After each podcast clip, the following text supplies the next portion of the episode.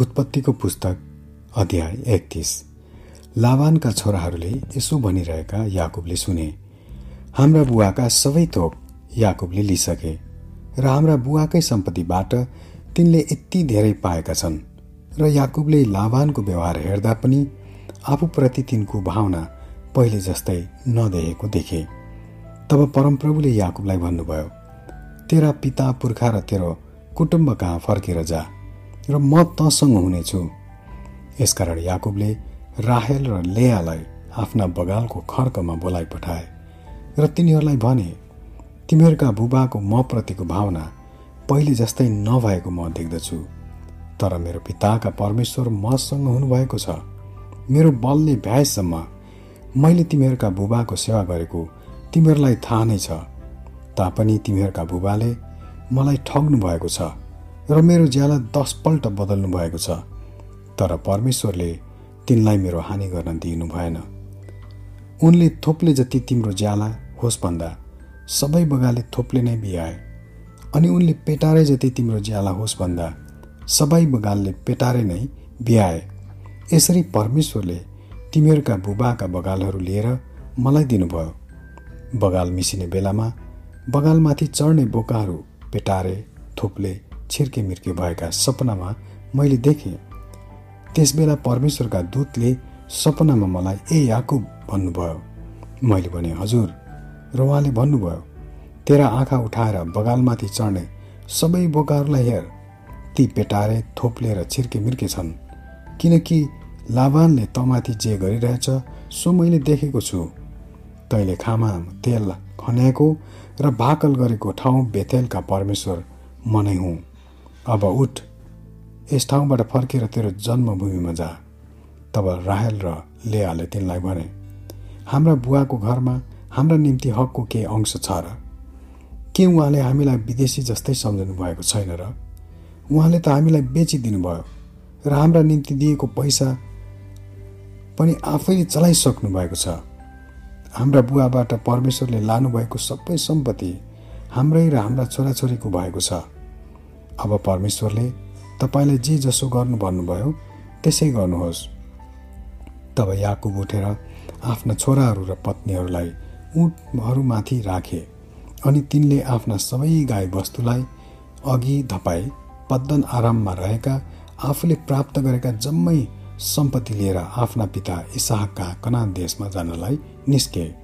त्यसबेला जब लाभान चाहिँ आफ्ना भेडाको उन कत्रन गएका थिए तब राहेलले आफ्ना बुवाका घर देवताहरू चोरेर लगिन्। त्यसबाहेक आरामी लाभानलाई याकुबले झुक्क्याएर कारण तिनको भाग्य भाग्ने मती छ भन्ने तिनले उनलाई बताएनन्। यसरी आफूसँग भएका सबै कुरा लिएर याकुब भागेर महानदी युफ्रेटिस तरे र गिलातको पहाडी देशतर्फ लागे। तेस्रो दिनमा याकुब भागेको खबर लाभानले सुने। अनि उनले आफ्ना दाजुभाइहरूलाई साथमा लिएर सात दिनसम्म तिनलाई लखेटे र गिलातको पहाडी देशमा तिनलाई भेटाए तब आरामी लाभान कहाँ? राति सपनामा परमेश्वर देखा पर्नुभयो र उनलाई भन्नुभयो होसियार गर तैँले याकुबलाई असल कि खराब केही कुरा नगन् लाभानले याकुबलाई भेटाउँदा याकुबले आफ्नो पाल गिलातको पहाडी देशमा टाँगेका थिए। र लाभानले पनि आफ्ना दाजुभाइहरूका साथमा त्यही पाल टाँगे। लाबालले याकुबलाई भने मैले तिमीले मलाई झुक्क्याएर मेरा छोरीहरूलाई लडाइँका कैदीहरूलाई चाहिँ लगेर यो गरेको? किन मलाई नभनिकन सुटुक्क भागेर मलाई धोका दियो? म बिडा र खैजडीको खुसियालीमा तिमीलाई पठाउने थिएँ।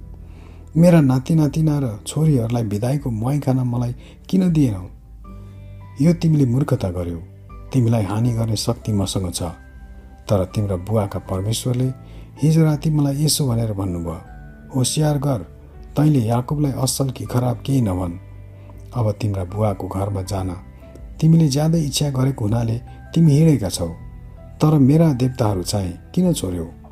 याकुबले लाभानलाई जवाफ दिए तपाईँले आफ्ना छोरीहरूलाई मसँग मबाट जबरजस्त साथ खोज्नुहुन्छ कि भन्ने मलाई डर लाग्यो। तर तपाईँका देवताहरू जससँग भेट्टाउनुहुन्छ त्यो जीवित रहने छैन। मसँग भएको तपाईँको कुन चिज छ जो हाम्रा कुटुम्बका सामुन्ने चिन्नुहोस् र लिनुहोस्?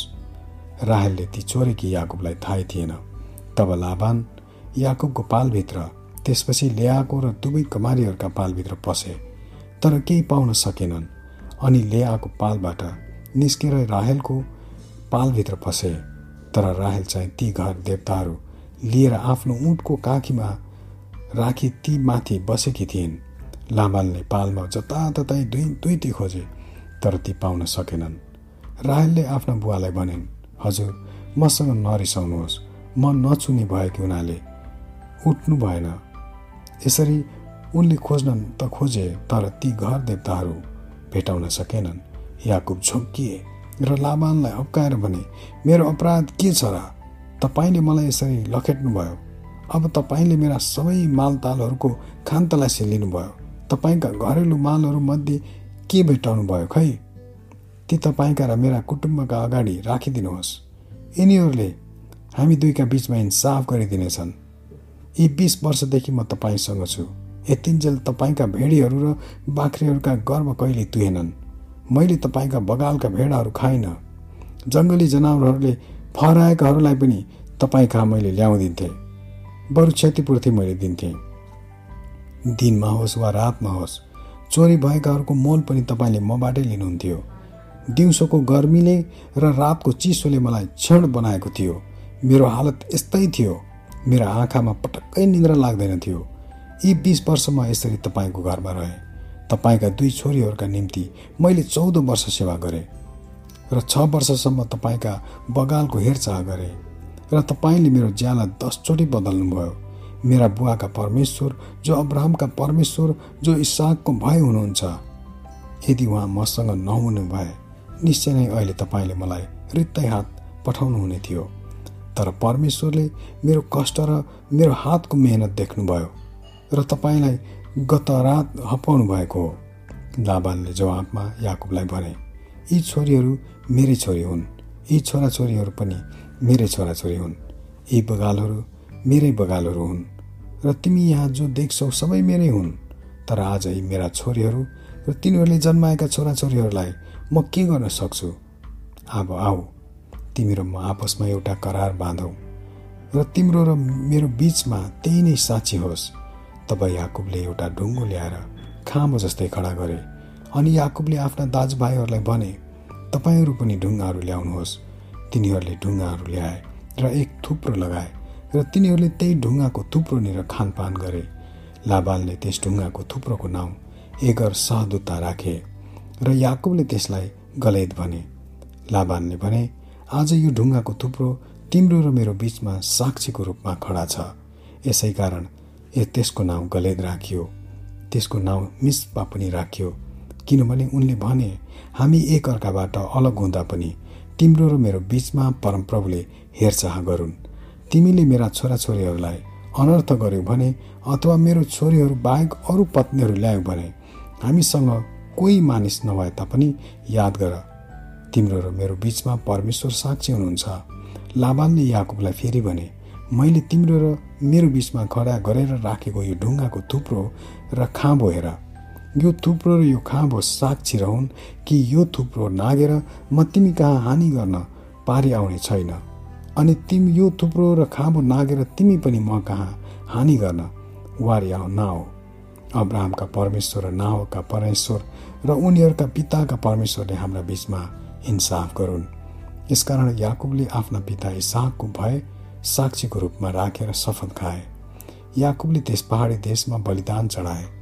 र आफ्ना कुटुम्बहरूलाई खानपान दिए। तिनीहरू खानपान गरेर त्यो रात त्यही ठाउँमा बिताए। लाभान बिहारै सबैले उठे आफ्ना नाति नातिनाहरू र छोरीहरूलाई मुहाई खाए। तिनीहरूलाई आशीर्वाद दिए। त्यसपछि उनी बिदा भएर घर फर्के। आमेन।